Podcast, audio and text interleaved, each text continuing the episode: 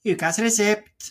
Hei og velkommen til denne episoden av Ukas resept. Podkasten der vi gir deg litterære kurer mot livets utfordringer og tilstander. I dag så har jeg med meg Heidi. Hallo. Hei, hei. Dette er jo første vanlige episoden igjen etter sommerferien.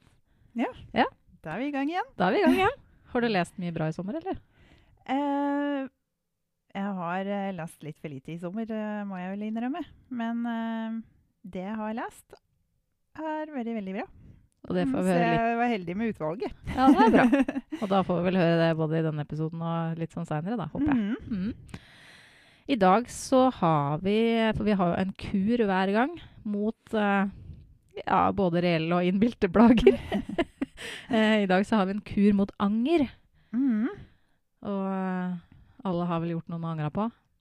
En eller flere ganger i livet, vil jeg tro. Hvilken bok er det du har med deg? Eh, jeg har med meg 'Ett minutts stillhet' av Cecilie Enger. Ja Og jeg har ennå ikke lest noe hender. Det er litt fælt. Ja, det er litt fælt. Ja, mm, takk for den. ja, Mhm. hva handler den om? Da, da kan jeg Ja. Det her er det om eh, ei dame som heter Åsta Cooper. Eh, hun bor i Warszawa sammen med den engelske mannen sin, eh, som er diplomat. Og hun er eh, Ja, hun er nok eh, godt opp i åra. Eh, og så blir hun ramma hjerneslag og mister en del av taleevnen.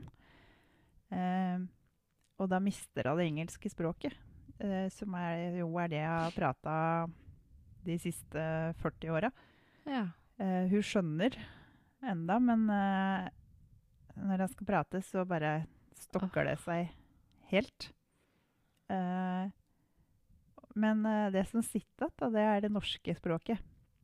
Fra langt tilbake. Fra langt tilbake at jeg som har vokst opp med, men jo, som jeg ikke har brukt siden jeg var ung. Hm. Um, og i tillegg til det så har jeg, jeg har slitt litt sånn opp gjennom voksenlivet og hatt litt depresjon og forskjellig. Ehm, så de ansatte ei norsk ung dame som selskapsdame for oss, da. Ei som heter Ane. Hun skulle bare være der noen uker, da, men hun ender opp med å bli der Ja. hos dem. Eh, og hun Ane mm, eh, De ble vel egentlig for så vidt venner og begynte å være sammen ganske mye. Hun eh, var med, begynte å bli med på sånne litteraturforelesninger. Det var, var før Åsta ble Mm. sjuk, da Ja. eh, opptatt av litteratur. Eh, så de leste dikt og bøker og sånn høyt for noen og prata om det de leste, og hadde mange fine samtaler rundt det. Mm. Og så kom de etter hvert noen nærme, da. Ja. Til trass for alderen, så det ble ei slags venninne. Ja. Ja. Eh, men etter det slaget så er jo Ane den eneste Åsta klarer å kommunisere ordentlig med ja. på norsk. Mm. Så hun eh, For å hjelpe å få tilbake det engelske språket, da, eh, så får jeg en PC hvor jeg kan skrive, skrive norske tekster. For tanken er at jo mer du bruker det norske språket, eh, så vil engelske komme tilbake etter hvert, Ja. mener de. Okay. Um, så hun begynner å skrive um, minner fra oppveksten. Uh, og da får vi en del uh, tilbakeblikk da, på livet jeg har hatt. Uh, ja, blant annet så ble jeg veldig, veldig skuffa eh, når jeg forsto at det var broren som skulle overta butikken som foreldra hadde. Det det satt ganske djupt i. Eh, og litt eh, ja, Hun hadde hester og var glad i å ri. Og, ja, du får visst mye om Mm. henne som ung oppover. Um, og det viser seg at eh, litteraturinteressen kom da jeg var ung, eh, takket være en lærer jeg hadde, som introduserte meg for litteratur og fora med bøker og sånn. Men, så, um, men vi skjønner òg at hun var uh,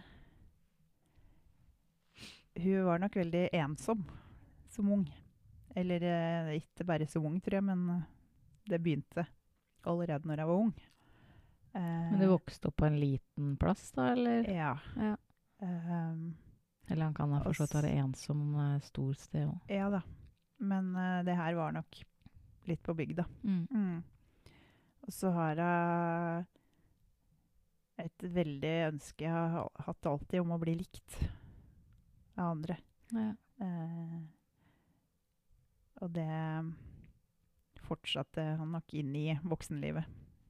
etter jeg traff mannen og eh, rundt mannen òg, for så vidt. Ja. Mm. Så sånn gjennom boka da, så, og de beskrivelsene eller det jeg skriver, da, så brettes liksom minnen fra hele livet ut etter hvert. Og hun kommer på å skrive om ting som hun egentlig hadde fortrengt tidligere. Ja. Mm. Eh, så det handler eh, sånn i bunn og grunn mye, da, tror jeg, om at eh, ville ha Hvis en visste åssen livet skulle bli, Ja. eller ble, Ja. ville du ha gjort tatt de samme valga, gjort det samme? Det er skummelt Sånn. å begynne å tenke på, for det, og så veit man jo ikke hvordan livet ville blitt hvis man hadde tatt andre valg heller, da. nei. Så nei altså, mm, det var en veldig fin bok. Den Ja. sa, satt liksom i ja. ei stund, syns jeg. Mm. Hvem tenker du at det passer for? Alle? Ja. Ja. Jeg tror det. Jeg tror det ja. Ja. Kanskje i hvert fall de som, alle som har hørtes jeg veldig gammel ut, men alle som har levd litt, holdt på si. Eller altså, jeg, jeg kanskje Ja. Mm. Ja. Kanskje greit å være voksen, liksom. Ja. Du skal bikke 20. Ja. Ja. Jeg har eh, Nei, det er jo ikke lik, men det er litt sånn litt likt oppbygd, kanskje. Jeg har tatt meg ved elva av Bror Hagemann. Og den har jeg snakka bitte litt om i en av episodene i sommer òg, men da hadde jeg ikke lest den. Da bare leste jeg litt bakpå. Og så tok jeg med meg hjem, for jeg syntes det hørtes interessant ut. Og den var bra. Mm. Og jeg har tenkt at hvorfor har jeg ikke lest den av Bror Hagemann før? For det har jeg ikke gjort. Jeg har hørt om den, liksom. Men uh, ja. Um, jeg leste litt om boka, om han. Uh, og han øh, har sagt at når han liksom begynner å skrive bøker, så får han en eller annen idé, kanskje ja, litt sånn tilfeldig. Eh, og da hadde han da fått en sånn tanke om at eller han så for seg en eldre kvinne som får politi på døra eh, hvor politimannen overbringer da et dødsbudskap. Eh, og så hadde han liksom sett for seg at hun ikke gråt, og lurt på hvorfor ikke det. Og det var på utgangspunktet til boka. Mm. Eh, den handler om Åshild. Hun er hjemme og steller med noen blomster da det ringer på døra. Og utafor så står det da en politimann som forteller at mannen hennes er død. Eh, og politimannen, som eh, har litt å stri med på privaten, sjøl, egentlig, viser det seg etter hvert. Han henger seg opp i dette at Åshild ikke begynner å gråte, og syns det er veldig mistenkelig. Lurer på om det eh, Om det er noe hun skjuler, da. Eh, fordi mannen, han eh, blir funnet drukna i Akerselva. Så det er jo liksom litt sånn det ikke, Han har ikke fått hjerteinfarkt, liksom. Nei. Selv så holder hun både gråten eh, tilbake, og hun forteller heller ikke om at mannen er død til noen, ikke engang sønnen. Fordi hun vil ha sorgen for seg sjøl. Hun får en sånn tanke om at hvis, hvis andre får vite det, så da må hun på en måte eh, Jeg vet ikke uh, Tilpasse seg de rundt seg, liksom. Altså hun må på en måte spille en rolle som uh, fersk enke, liksom.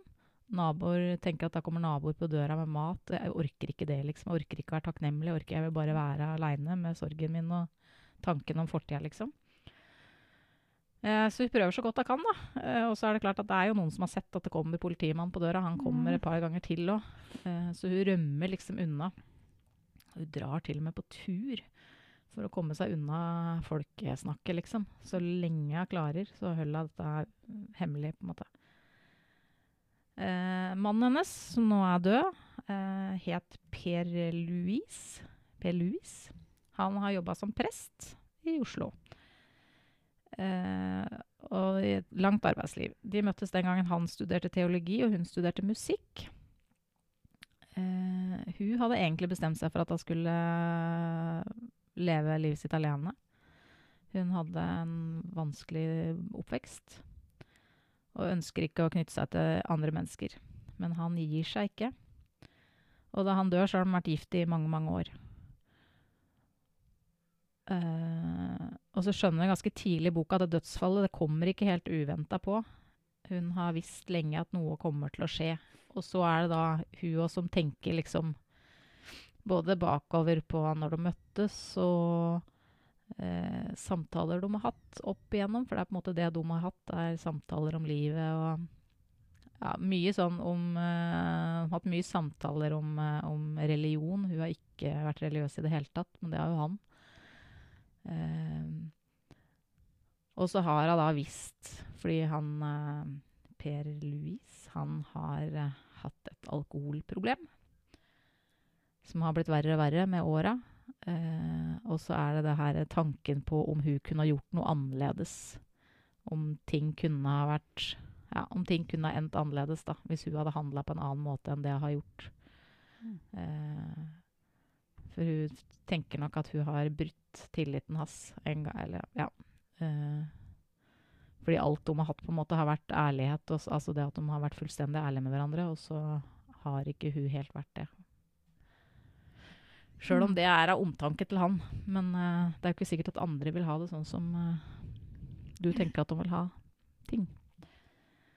Så livet deres rulles da sakte, men sikkert opp, og livet hennes òg. Uh, uh, og man skjønner mer og mer hvorfor hun reagerer på det dødsbudskapet sånn som hun gjør. Dette er, det er ikke sånn eller Man skulle jo tro at den var veldig trist, liksom, siden det starter med dødsfall. Uh, men er ikke, det er ikke det, egentlig. Det er jo historien om et liv, liksom. Mm. Uh, det er historien om uh, stor kjærlighet og sorg og hvor utrolig vanskelig det er med folk. på alle mulige måter, holdt jeg på å si, mm. fordi man er så forskjellig. Ja. Mm. Det var den. Hmm. Som er kanskje litt like, samtidig som den mm. nok sikkert ikke er det. Jeg vet ikke. Altså. Ja, ja. Nei, men um, ja. Jeg liker nok til at jeg fikk lyst til å lese det nå. Jeg fikk òg lyst til å lese det. så jeg, hvis du låner, så må du kjappe deg da, før vi tar, tar, tar, den andre. Nei, men Tusen takk, Heidi. Da er vi i gang. Kan du si navnet på boka di? Det var 'Ett minutts stillhet' av Cecilie Enger. Og jeg hadde med 'Ved elva' av Bror Hagemann. Ha det bra. Ha det.